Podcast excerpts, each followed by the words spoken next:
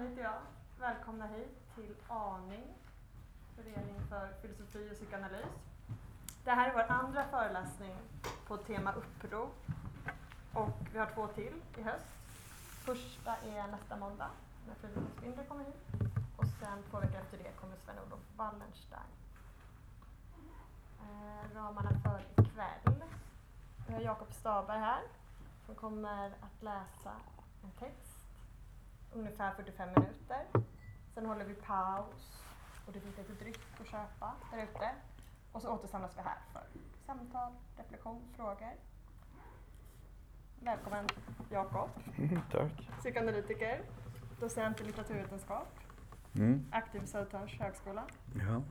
Ja. Tack, eh, tack för inbjudan. Jo, som sagt, jag tänkte um, egentligen kan man säga pröva ett material, en text som jag har skrivit som eh, en del i ett, i ett eh, projekt som jag har, slussat sysslat med lite till och från sista året här. Som handlar om tidiga texter av Freud, drömtydning i synnerhet, fallet Dora. Um, och där jag försöker gå in och läsa de här, den här litteraturen, just som litteratur egentligen, som texter. Så att det är lite av en skärningspunkt mellan ett slags psykoanalytiskt perspektiv och ett, om man vill kalla det för genealogiskt eller diskursanalytiskt. Um, och här tänker jag ägna mig åt då den en, en eh, drömanalys som kan man säga inleder en serie drömanalyser som då drömtydning består av. Och eh, som ett material så har jag tryckt upp just själva drömmen på ett papper här. Ehm, men som sagt, jag läser faktiskt till också för att bara mm, ja, som sagt, pröva den här texten. Så jag hoppas att ni kan följa med. Tänkte att det kanske blir lite mer, uh, lite pregnant så. Och jag liksom söker mig fram i materialet så jag tänker det kan vara intressant för mig också att bara känna hur det funkar. Eh, rubriken är Irmas injektioner. Någon gång under natten mellan den 23 och 24 juli 1895 drömmer en vid den tiden ännu obemärkt men ambitiös docent i neuropatologi och privatpraktiserande läkare en dröm. Antagligen under de tidiga morgontimmarna som i den psykoanalytiska traditionen kommer att fortleva som drömmen om Irmas injektioner. Under kvällen har han sin vana trogen intagit en inte oansenlig dos kokain. I den behagliga miljön vid Bellevue utanför Wien finns tid och möjlighet att ägna drömmen den uppmärksamhet som behövs för att underkasta den en detaljerad tolkning. I en hyrd villa åtnjuts en eh, tidsrekreation från en omfattande praktik som också inbegriper det ambitiösa projektet att etablera grunderna för en naturvetenskaplig psykologi. Projektet syftar till att artikulera de psykiska processerna som kvantifierbara eller mätbara tillstånd. I hopp om att i framtiden kunna, som det heter, direkt påverka energimängderna och deras fördelning i den själsliga apparaten med bestämda kemiska preparat. Jag citerar en formulering som skrevs långt senare, 1938, mot slutet av livet. Och man kan säga att den avslöjar lite grann hur den här ambitionen har löpt genom det här intellektuella projektet som en röd tråd. Men projektet förblir förvisso ett utkast medan den påbörjade systematiska nedteckningen av drömmar kommer att resultera i ett epokgörande verk publicerat 1900 vars uppbrutna yta medger en läsning av det som blandning av självanalys, litterär prosa, vetenskaplig diskurs, spekulativ essä. Det är om den här boken som det kommer att handla nu. Bokens så småningom inflytelserika sjunde kapitel fullföljer utkastets ambition genom att skissera en virtuell modell över de mentala processerna. Därutöver finns hela måttet, övermåttet av data i form av komplexa associationsvävar utifrån drömmarnas enskilda detaljer behandlade som diskreta element.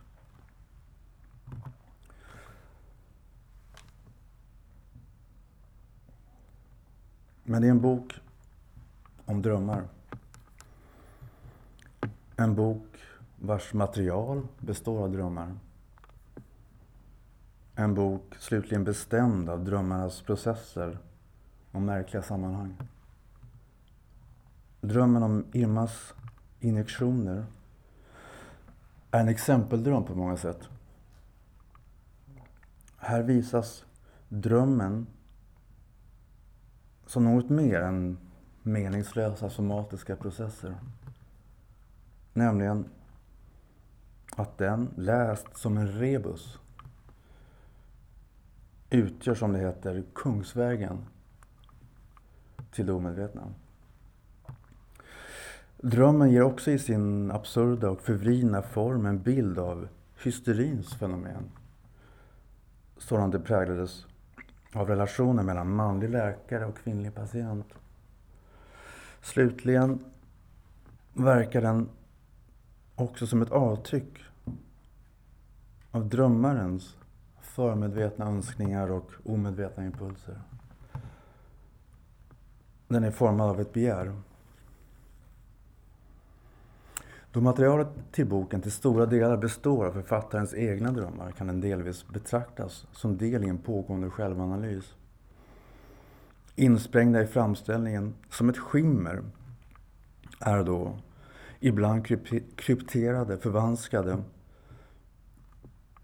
genom drömarbete och speciella form bilder av ett liv. Minnen associationer till dagsaktuella händelser, slumpartade möten, familjeförhållanden.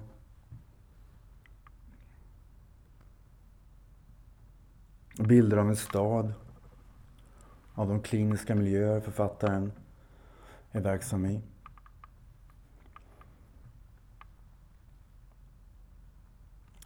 Drömmarna i synnerhet den första, den om Irmas injektioner med dess, som det heter, egenheter, detaljer, indiskretioner, dåliga skämt. Erbjuder i förvrängd form läsaren vignetter från den medicinska världen i det samtida Wien. Dess rivaliteter män emellan, statusjakt, ja hela det komplicerade maktspel som behärskade det förra sekelslutets aggressiva patriarkat.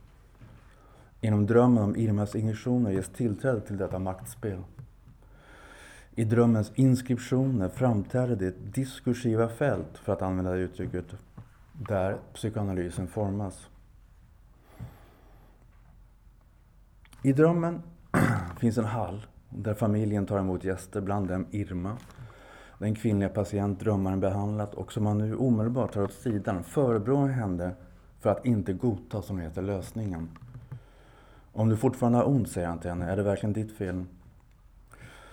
Hon svarar med att tala om smärtor i hals, mage och underliv. Hon ser påfallande blek ut och är egendomligt uppsvullen. Läkaren som blir osäker på om han inte förbisett någon organisk sjukdom ser henne i halsen. Därvid visar hon sig något motsträvig, ungefär som en kvinna som har lösgom, heter det.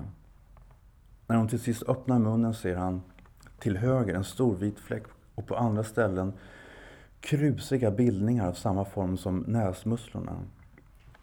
Han kallar sina manliga läkare till sig. De ter sig förvrängda. En är mycket blek, han haltar och är dessutom helt slätrakad. I varje fall grupperade sig kring den unga kvinnan.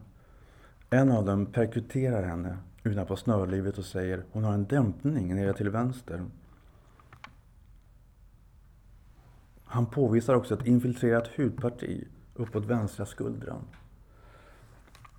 Det talas om infektion, om dysenteri, om ett gift som kommer att utsöndras. Vi vet också omedelbart varifrån infektionen härrör, heter det.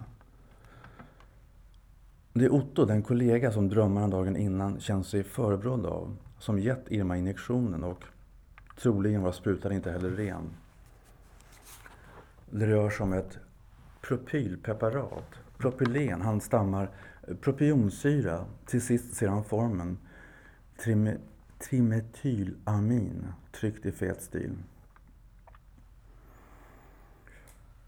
Denna dröm om Irmas injektioner inleder alltså det andra kapitlet i boken Drömtydning och följer på en första beskrivning av metoden som författaren håller för den första vetenskapliga ansatsen att omvandla drömmandets absurditeter till meningsbärande element. I den tyska utgåvan upptar återgivningen och analysen av drömmen 15 sidor i en formellt intrikat framställning.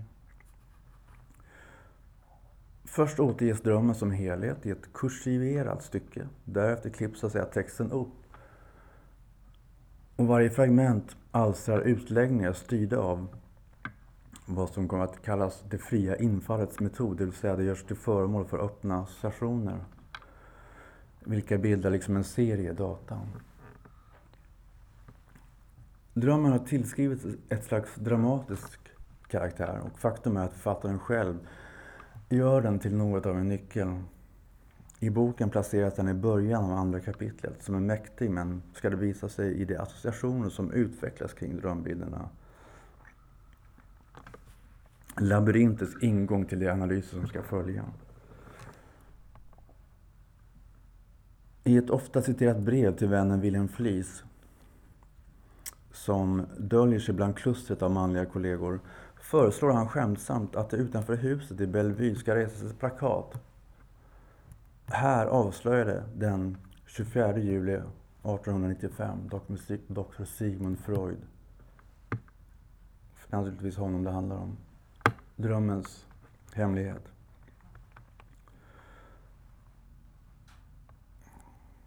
Med drömtydningens metod kan man säga framträder psykoanalysen som en ny vetenskap Tryckåret 1900 markerar en ny epok. Som om denna nya vetenskap inte bara gav en ny människa, men att denna skapelse var skild från det samtids virrvarr av utsagor och relationer. Verket kan nu bli en källa till ständigt förnyad självförståelse kretsande runt hemlighetens fantasm som en ovärderlig skatt och källa. Så framträder ett ursprung, en grund, ja ett fundament som sedan skrivits vidare, traderats i enlighet med interna strider, praktiker och konflikter. Formade av specifika begär och fantasier enligt vilka tankar utmätts och utsagor fortlevt. Men för att ett ursprung ska kunna framträda och hänföras till ett heroiskt subjekt som i en till synes gudomlig gest liksom bryter ny mark, penetrerar okända kontinenter så måste något trängas bort. I fallet Freud och drömtydning är det framförallt tre anhopningar av utsagor. Det är brevväxlingen med flis, kokainpappren och, vilket kanske verkar förvånande, de samtidigt författade neurovetenskapliga publikationerna. Alla dessa element är närvarande i drömmen om Irmas injektioner, där det grupperas kring relationen mellan manlig läkare och kvinnlig patient.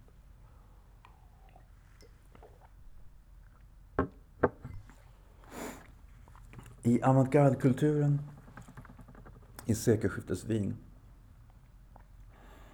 en kultur som karaktäriseras som en serie överlappande cirklar.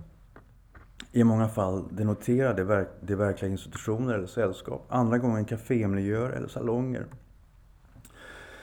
Till dessa hör kretsen kring Sigmund Freud och den tidiga psykoanalytiska rörelsen som dateras från åren efter Freuds vistelse i Paris där han 1885 hos Jean-Martin Charcot upptog influenser som kom att påverka hans till en början psykofysiskt grundade verksamhet i delvis ny riktning.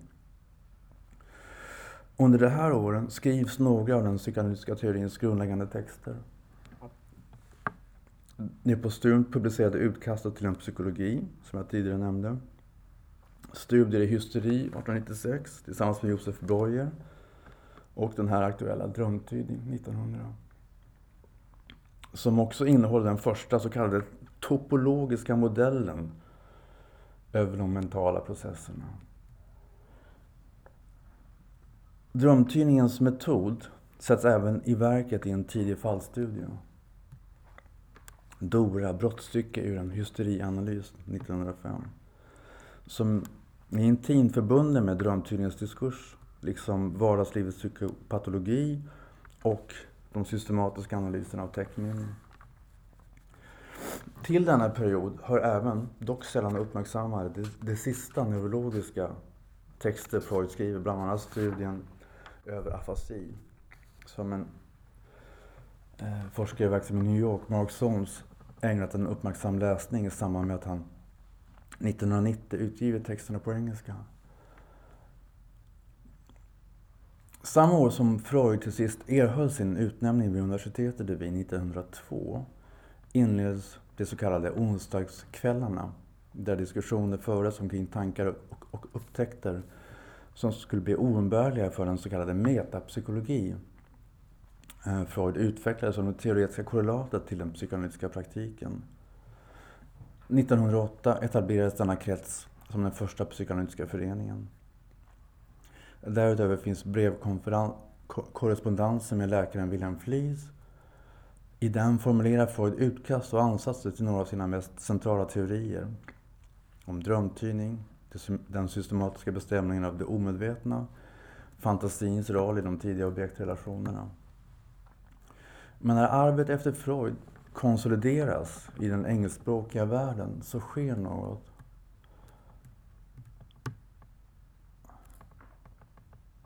Förhållandet, mellan, förhållandet till samtida neurologi, psykiatri och farmakologi förpassas diskret ur synfältet. Detsamma gäller korrespondensen med Fleets, där utkastet till en psykologi bevarats. Korrespondensen ger även en bild av Freuds teoretiska utveckling. Men den officiella utgivningen präglas av, som det heter, luckor och utelämnanden. Ett bevis på redaktörerna Anna Freuds, Ernst Kries och Marie Bonapartes vilja att skapa, som Jörgen Reder formulerade, en tillrättalagd bild av pionjäråren. Jag tänker att drömmen om Irmas injektioner synliggör vad denna kanonisering lämnat åt sidan. Eh, Freuds bildningsvärld och litterära smak är helt bestämd av den tyska humanismen. I drömtidningen refereras till Schiller och Goethe, Shakespeare, de grekiska tragöderna. Men trots att han inte delar det samtidiga avantgarde strävan, varken kretsarna i Wien kring män som Hugo von Hofmannsthal, Karl Kraus eller tonsättaren Arnold Schönberg, eller senare surrealism för den delen, visar hans texter oväntad affinitet med dem. Vi ser det i beskrivningen av minnesfunktionerna i termer av spår och inskriptioner där händelser och affekter bryts ner i diskreta element. Stilistiskt får detta effekten att fallstudier och självobservationer inte endast, vilket Freud själv konstaterat, liknar noveller. Dessa noveller kan dessutom vilket inte minst drömtydning med sitt sammansatta formspråk och sin uppbrutna yta visar underställas många av de formprinciper som ska komma att bestämma det nya århundradets modernismer. Collagets sidoordnade metod, ett radikalt presenterat subjekt, anhopning av data genom slump och godtyckliga serier. De relationer som trädde fram i Freuds texter genom drömtydningens noggrant kartlagda associationsvävar till varje enskilt drömelement präglas ofta av en skoningslös kamp om maktpositioner. Freuds judiska bakgrund gav honom, på grund av de antisemitiska stämningarna, stora, gav honom stora svårigheter vid universitetet. Rivaliteten mellan män i den medicinska världen framstår då som en del i en vidgad cirkel där män dominerar inom militären, industrin, vetenskapen, politiken. Detta förhållande kan benämnas ett patriarkat då det styrs av den tvåfaldiga principen att mannen ska härska över kvinnan, den äldre mannen över den yngre. Om patriarkatet som institution är en social konstant som genomsyrar politiska, samhälleliga och ekonomiska former kan den likväl variera både i tiden och i rummet. I drömmen om Irmas injektioner kan relationen mellan läkare och patient avläsas mot bakgrund av ett sådant rörligt och skiftande patriarkat. Freuds nedtecknade dröm och drömtydning registrerar läkarens relation till en ung kvinnlig patient. I drömmen får vi så att säga i förvanskad form en bild av denna relation, av relationen mellan dem, läkaren och patienten. Liksom de fantasier och de ordningar som bestämmer mötet mellan läkare och patient vid tiden för psykoanalysens härkomst. Denna exempeldröm är ju inte bara ett fundament för Freuds drömtydning och därmed i någon mening för psykoanalysen. Men etablerar en relation mellan inskription, sexualitet och genusordning. Betraktas som en vignett från sekelskiftets medicinsk-kliniska miljö präglad av en patriarkal ordning.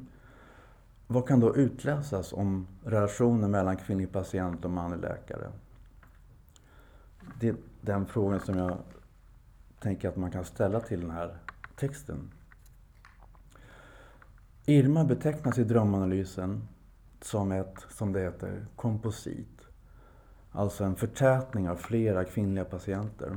Medan läkaren, å sin sida, flankeras av en grupp manliga kollegor vilka i sin tur på ett liknande sätt är sammansatta personer. De enskilda detaljerna i drömmen, det rör sig om ett lösryckt ord, kluster av bilder, bestämda situationer, ja till och med en kemisk formel, utgör noder eller knutpunkter genom vilka det fria infallets metod ger upphov till nya serier av data. I det tolkningsarbete Freud genomför drömmen läses detta som en slags rebus vars mening kan dechiffreras. I praktiken innebär det att nätverket av bilder och ord hela tiden kan föras tillbaka på knutpunkter vilka så översätts till en återkommande utsaga. Tolkas som drömmens mening formuleras den som en önskan. Är patienten, Irma, fortfarande dålig? Är det inte mitt fel? Men det finns ett krux här som Jacques Lacan har fäst uppmärksamhet vid i en, i en analys av den här drömmen. Och som givit mitt syfte att i drömmen utläsa en utsaga om relationen mellan läkare och patient blir relevant för sammanhanget. Först en bakgrund. Freud formulerar som tidigare nämnts en topologi, som det heter, över de mentala processerna. I drömtydning som eh, i det sjunde kapitlet i synnerhet, där det blir tydligt, så kan man säga att det ersätter den samtida neurologins strävan, som Freud till en början delar, att lokalisera det psykiska livet i hjärnans anatomi. Att erkänna denna anatomi med en virtuell modell. Eh, vad han kallar den psykiska apparaten sönderfaller då i tre system. System medvetet, system förmedvetet, system omedvetet. Det här är liksom den första topologin som Freud formulerar och som efter 1920 kommer att kompletteras med en senare den bekanta indelningen jaget, detet och överjaget. I den första topologin liknas medvetandet vid en skärm och utgör ett slags gränssnitt varpå psykisk aktivitet registreras. Här saknas minnes och lagringsfunktioner, vilka återfinns i de två övriga systemen. Varför Freuds begrepp om medvetandet skiljer sig radikalt från filosofins. Inskriptioner i systemet omedvetet förblir emellertid inte tillgängliga för systemet medvetet och förmedvetet, annat än som derivat. Tillbaka till drömmen. Kruxet gäller nu denna dröms önskan. Är patienten Irma fortfarande dålig är det inte mitt fel. Om nu teorin säger att varje dröm drivs av en omedveten önskeimpuls som når drömmens gränssnitt via derivat i förvanskad form. Vad är då det omedvetna här? Utsagan är Imma dålig? Är det fortfarande hennes eget fel? Det är ju en tanke. Drömmaren själv uttryckt, jag har till och med nedtecknat kvällen före drömmen. Medan den omedvetna önskeimpulsen förblir så att säga en hemlighet. Vilket då givit upphov till en mängd tolkningar.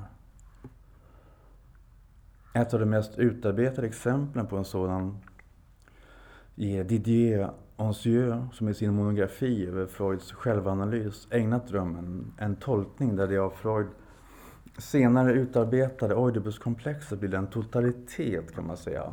Myllret av utsagor kan föras tillbaka till. I detta Tolkningsarbetet spelar den tidigare nämnda kemiska formen en roll eftersom den har en triadisk form, en tredelad formel som liksom svarar mot det här oidipala triangelsituationen. Men det finns också ett annat sätt att se på det som två intensiva punkter. Den fantasmatiska beskrivningen av Irmas kropp. Den ena och formen den andra. Det är så Jacques Lacan läser drömmen. Och ger på så vis den här kemiska formen en slags strukturell funktion. Det är som om vi här ser den symboliska ordningen liksom implementerad i de mentala processerna.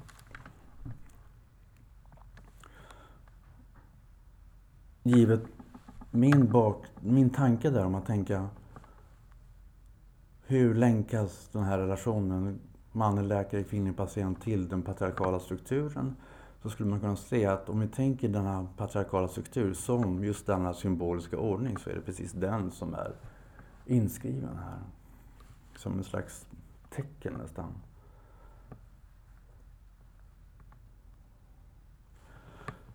Drömmen drivs av derivat, av en omedveten önskan. När Freud skriver in den i det förmedvetna systemet väcks föreställningen om en hemlighet. Som jag ser det är det som att Lacan uppmanar oss att avhålla oss från att tolka den hermeneutiskt.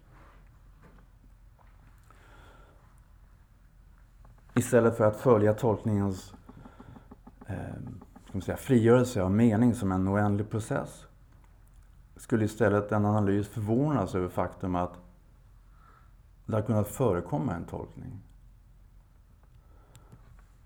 Det vore då att med hänvisning till genealogin eller diskursanalysen väga utsagornas värde, som det heter hos Foucault. Istället för att närma sig ett verk som källa till ständig förnyad självförståelse och bekräftelse av sitt eget väsen. Frilägga ett system av närvaro. Så betraktad blir den diskursiva formationen begränsad, avslutad. Den blir, det blir tydligt att den lyder vissa regler för att uppträda men också ställer villkor för dess tillägnande. Att utsägaren kan förvandlas till något nyttigt och återvärt. I vårt fall kanske att legitimera normerande värden. Innebar, innebär att den är föremål för en kamp och inbegripen i en disciplinering av kroppar. Det är så jag tänker att man skulle kunna närma sig den här, den här den här texten.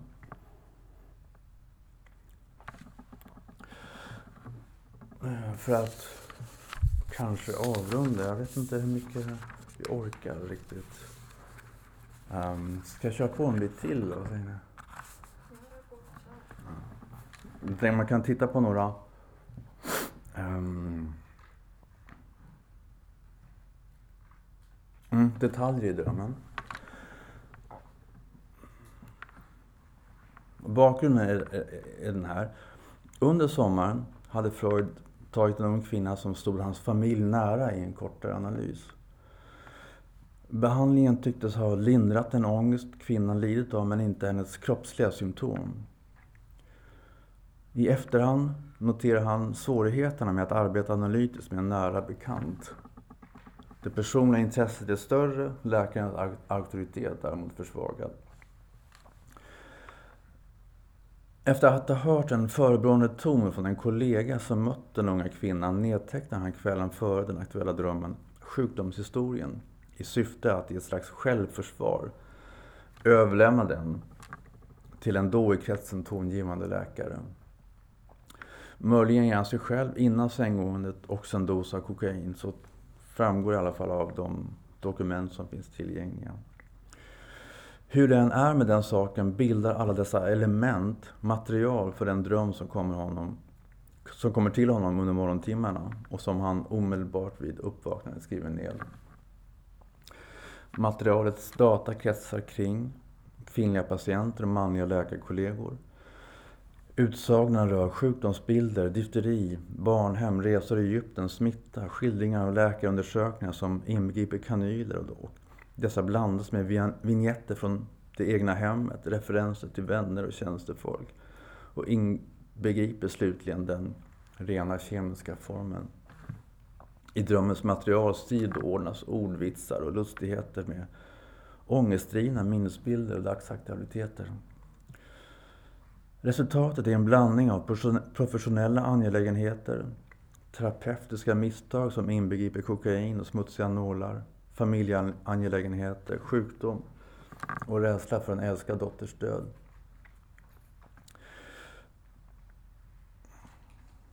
Den formen som Lacan betraktar som drömmens andra fixpunkt, den kemiska formen.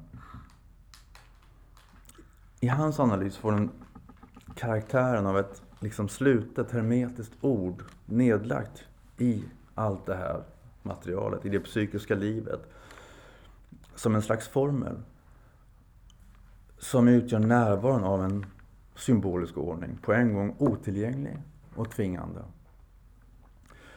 För Lacan innebär denna ordning att en fråga gör sig gällande, påkallad av det tomrum den omedvetna önskeimpulsen lämna till Freuds analys. Alltså tomrummet där Freud själv söker formen eh, är inte Irma frisk så är det inte mitt fel. Men som Lacan uppmärksammar oss på. Det är någonting som han medvetet har tillgång till. Alltså kan vi inte tala om det som den omedvetna önskeimpulsen. Utan den, den tänker han bara, den är tomrum, liksom i drömmen. För honom väcker det frågor om vad innebär det att tala om ett omedvetet begär? För vem existerar detta begär? Saken är att Freud analyserar sin egen dröm. Eh, den är del i en under några år genomförd självanalys som påbörjades med faderns död. Men det faktum att han därmed analyserar sina egna psykiska processer vittnar också om diskursens ordning. Ehm, och här tänker jag mig att man kan hitta liksom en brytpunkt eller liksom en, ett, ett möte, ett gränssnitt mellan Lacans liksom strukturella sätt att närma sig de här ordningarna som drömmen liksom öppnar upp, frigör. Å ena sidan och å andra sidan Foucaults analys av de diskursiva formationerna som han beskriver dem till exempel i Vetandets arkeologi. Snarare än att söka efter en förmodat underliggande, ett, efter det förmodat underliggande i en text betraktar det här diskursiva, analytiska sättet utsägelseområdet som vilande helt och hållet på ytan. Det handlar om att utkristallisera en bestämd utsaga för att söka synliggöra, som det heter hos Foucault, vilka förgreningar i formationernas system som tillåter att lokalisera den, således isolera den i utsagornas allmänna spridning. Det är liksom man ställer frågan, varför en specifik sådan utsaga med den, just den formen, hur kommer den till, så att säga? Snarare än att fråga, vad betyder den? Drömtydningens nätverk av utsagor genomkorsas framförallt av två formationer. En diskurs om droger, kokainet då i synnerhet, samt artikulerandet av ett motstånd mot psykiatrins makt. Vilket också präglade diskursen om, om hysteri. man kan säga att det är Irma då som liksom förkroppsligar det här motståndet.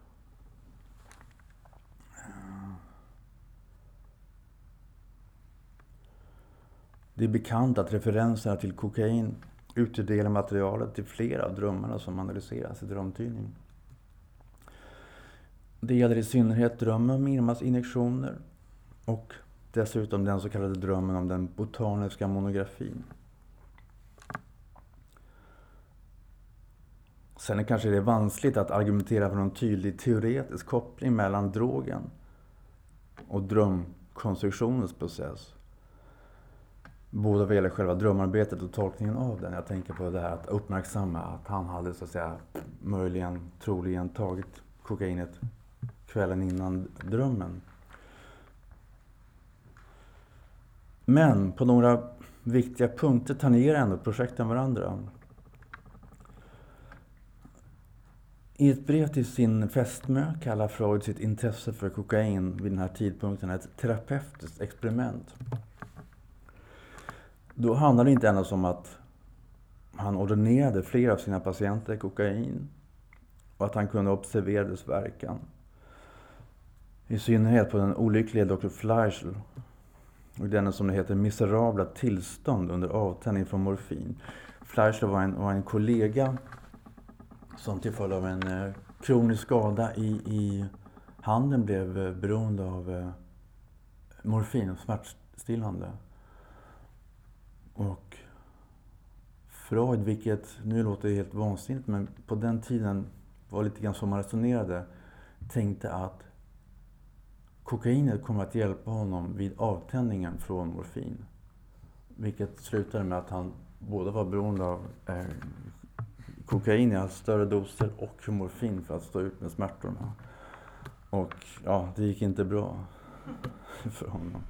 Och där man kan se också sen mm, när han observerade detta och så finns också skuldkänslan, äh, ångesten över detta äh, med som ett spår i de här äh, associationerna till, till, till, till, till drömmarna. Men i en, i en första fas är det som att han betraktar kokainet som, ett, som, en, som en magisk kur. Som ett, som ett, det är som om det skulle kunna bota allt från, från, från eh, depressioner till, till att kunna arbeta bättre, till, till att... Eh, ja, som bedövning. Och, i själva verket var just, just, just bedövningen, till exempel vid ögonoperationer, som var den, en slags eh, landvinning inom, inom eh, läkarvetenskapen här som Freud liksom snubblade på, var nära att komma åt men, men, men tappade kan man säga. Eh, så Faktum är att Freud även gjorde upprepade, som man säger, experiment på sig själv med kokain. Men igen så forskade många läkare i den här samtiden att man grundade vetenskapliga studier på den typen av självexperiment. I fallet kokain blev det särskilt tydligt hos Freud, vilket när han skriver sin monografi 1884. Här sammanställer författaren inte bara sin läsning i ämnet. Frekvent finner vi anmärkningar som jag har observerat mig själv i ett tillstånd av eller man känner en ökad självkontroll, känner sig revitaliserad och vidare. Jag har prövat den effekten av kokain på mig själv ett dussin gånger. Det är alltså dessa, på dessa experiment beskrivningar av drogens effekter grundas. Tillstånd som karaktäriseras av en frånvaro av depressiva element. En forskare, Howard Markel, noterar i en, i en relativt nyutkommen monografi att Überkoka, alltså överkokain, den här monografin, skrivs precis vid övergången från registrerandet av reducerbara, mätbara, e-, experimentellt kontrollerbara observationer. Alltså, det kvantifierbara. Från detta sker en övergång till utforskandet av tankar och känslor. Det är som att Freud i den här monografin över kokain, som liksom har hamnat utanför de samlade skrifterna, liksom bortsållat på ett sätt, utgiven i och för sig på 70-talet, men ändå. Att han i den här monografin introducerar en slags litterär persona som kommer att bli återkommande i hans arbete, nämligen han själv. Om vi tänker drömtydningen med de här analyserna av egna drömmar. Så denna nya persona kan på ett sätt anses förverkliga psykofysikens strävan att behandla tankar och känslor som mätbara storheter. Men hos Freud ersätts därmed filosofins självmedvetande av ett dynamiskt tänkande i, i, i system där föreställningar om intention och idéer om subjektivitetens hemligheter ger vika för analyser av funktioner och inskriptioner i, i system. Att det här är system förmedvetet, system omedvetet och så vidare. Freud tänker sig drömmen och som sådan får den också sin funktion i det analytiska arbetet. Liksom som symptomet, som någonting sammansatt. Ett som det heter, ett konglomerat av psykiska element. Det betyder att dess mening varken kan utvinnas genom att tillskriva drömmen, hela drömmen, en bestämd symbolisk betydelse. Eller att dess kryptogram, som det heter, kan kodas utifrån en fast nyckel. Istället tillämpas den metod Freud några år tidigare lärt av Breuer för att sedan själv utveckla metoden en kvinnlig patient givet namnet talking cure, det vill säga det fria infallets metod. Genom att betrakta drömmen med en viss distanserad uppmärksamhet samtidigt som all rationell och kritisk verksamhet kan överges kan varje, varje enskild detalj bli utgångspunkten för öppna associationer. Det handlar om att tolka drömmen som helhet. Det handlar inte om att tolka drömmen som helhet utan istället ge akt på enskilda detaljer av drömmarnas innehåll för att på så vis finna varje enskild drömpartis bakomliggande tankar. Och i det nätverk av associationer hämtade från dagsaktuella händelser och gamla minnesspår som därmed utvecklas menas sig för att utläsa en gemensam princip, nämligen att, de driv, att den drivs av en påkallas, eller påkallas av en omedveten impuls. Det heter drömmen är ett fullvärdigt psykiskt fenomen, nämligen en önskeuppfyllelse. Elementen i denna sammansättning är ryckta ur sitt sammanhang. Det består av brottstycken av yttranden eller minnesbilder på samma nivå kan dessutom numeriska tal, namn, yttranden, bilder, akustiska fenomen sidoordnas. Mellan komponenterna skapas i en sekundär bearbetning ett skenbart sammanhang vilket vid tolkning kommer att lämnas åt sidan. För att i den ägna uppmärksamhet åt drömyttrandets ordföreställningar, akustiska och visuella fenomen som, tillhör sam, som tillhörande samma medium. Dröminnehållet är alltså givet som en slags bildskrift. Helt enkelt en rebus. Det är att ersätta varje bild med en stavelse eller ett ord som genom någon förbindelse låter sig åskådliggöras genom bilden. På plats för ett meningslöst nonsens kan psykoanalysen visa drömmaren ett omedvetet av hemliga skrivna koder i dennes mentala processer vilka är möjliga att dechiffrera. När det väl har gjort framträder tank, drömtankar i dröminnehållets ställe. Ser man drömmen så, så är drömtydningen förvisso en tolkandets konst, men det är ingen hermeneutik i ordets egentliga mening. Eh, det känns som att jag kanske ska bryta där. Eller orkar vi lite till? Ja, vad känner du? Okej, då, då kör jag slut på det här stycket så ser vi vad som händer. Och sen, sen, det är som att vi har gått från det här att tänka den här systemkaraktären i den här analysen. Att tolkningen av drömmen är förvisso en tolkning, men det är inte en hermeneutisk tolkning. Um, jag har försökt visa några av de här elementen. Kokainet som finns med som ett spår i drömmen och att kokainet inte är en, eh, helt ovidkommande process här utan det är en del av Freuds arbete men den är liksom mörkad i kanoniseringen av hans arbeten för att den på något sätt faller utanför, man betraktar den med misstro och så vidare. Men i grunden så är monografin över, över kokainet liksom en, en tröskelpunkt där han kommer in i detta att självexperimentet ger upphov till ett, ett, ett ska säga, kliniskt neutralt iakttagande av känslor, uh, tankar, effekter, tillstånd hos honom själv. Och på ett liknande sätt går han sedan in i drömanalysen av sina egna drömmar.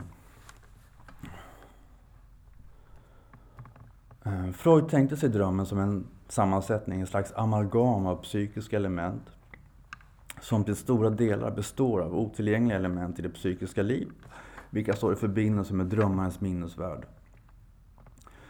Sättet det kommer till uttryck på är analogt med symptomet. Det psykiska fenomenet har karaktären av en önskeuppfyllelse. I vårt exempel med drömmen om EMAs injektioner mynnar Freuds preliminära analyser ut i att närvaron av varje element i drömmen motiveras av önskan hos drömmaren att frånskriva sig ansvar för patientens nuvarande tillstånd. Är hon fortfarande dålig är det inte mitt fel. Drömmen grupperas omkring två motiv. Å ena sidan kollegiet av manliga läkare och den andra den kvinnliga patienten vars kropp blir föremål för denna granskande undersökning. Framställning av det manliga läkarkollektivet domineras av hierarkier och strävanden där Freuds terapeutiska ambition står i centrum. Den kvinnliga patientens kropp å andra sidan blir föremål för en hel ekonomi kretsande kring penetrerandet av en hemlighet och som ett svar aktiveras ett motstånd. Detta motstånd kan man tänka utifrån 1800-talsfenomenet hysteri. Och då kan man betrakta det som en symptom egentligen på relationen mellan psykiatrins makt och, och de kvinnliga patienterna. Vi har alltså männen som grupperar sig kring Imma. Den trio av clowner som Lacan kallar dem. I nedteckningen av drömmen betecknas det som Otto, Dr. M och Leopold. Relationen män emellan präglas av konkurrens, hierarkier. Partiet Min vän Otto står nu hos den sjuka och min vän Leopold undersöker henne och visar på en dämpning nere på vänstra sidan. Kommenteras av Freud så här. Min vän Leopold är också läkare och släkt med Otto. Eftersom båda är specialister på samma område har ödet gjort dem till konkurrenter som man ständigt jämför med varandra. På några ställen tycks en gestalt glida över i en annan. Männen i drömpartiet Männen i drömarbetet avslöjas, precis som Irma, genom förtätningsmekanismer som sammansatta personer eller komposit. I serien om associationer, som i drömtydningen utvecklas kring Irma, blandas i synnerhet två kvinnliga patienter samman eller ställs mot varandra. Biografiskt har det identifierats som Emma Eckstein och Anna Lichtheim. När det kommer till männen handlar det om läkare i det samtida Wien, men även Freuds egen familj figurerar här. Även Freuds egen familj figurerar här. Dr M, den dominante läkaren i, i kretsen som Freud också haft i åtanke när han kvällen innan, på kvällen innan skrivit ner sjukdomshistorien i syfte att rentvå, rentvå sig, smälter samman visar det sig med Freuds halvbror. Han skriver, jag kommer att tänka på min äldre bror som är bosatt utomlands. Han är slätrakad och liknar då, om jag minns rätt, på hela taget den Dr. M jag såg i drömmen. Lacan kommenterar detta med en hänvisning till den äldre broderns betydelse för förståelsen av Freuds i sin självanalys utarbetade så småningom Oidipuskomplex. Denna blev den förmedlande länken, platsen för de aggressiva känslor Freud inte kunnat rikta mot fadern. Dr M representerar ett ideal konstituerat av den imaginära fadern med Lacans termer. En historiker, Peter Gay, har även fäst uppmärksamhet vid att den person som borde ha spelat den största rollen här, Flis, William Flis, genom en förskjutning liksom träder åt sidan. Diskret förpassas ur drömanalysen som inte heller vidare kommenteras i den.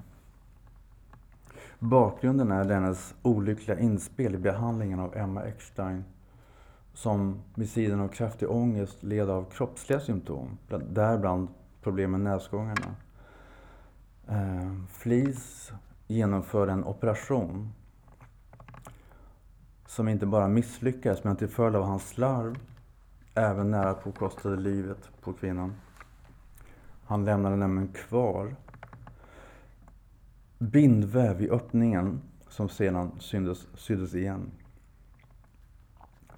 Gay menar att nedteckning av drömanalysen inte endast av konfidentiella hänsyn till Flis utlämnar hans betydelse, men att hela drömmen är ett intrikat scenario som delvis syftar till att rädda en idealiserad person.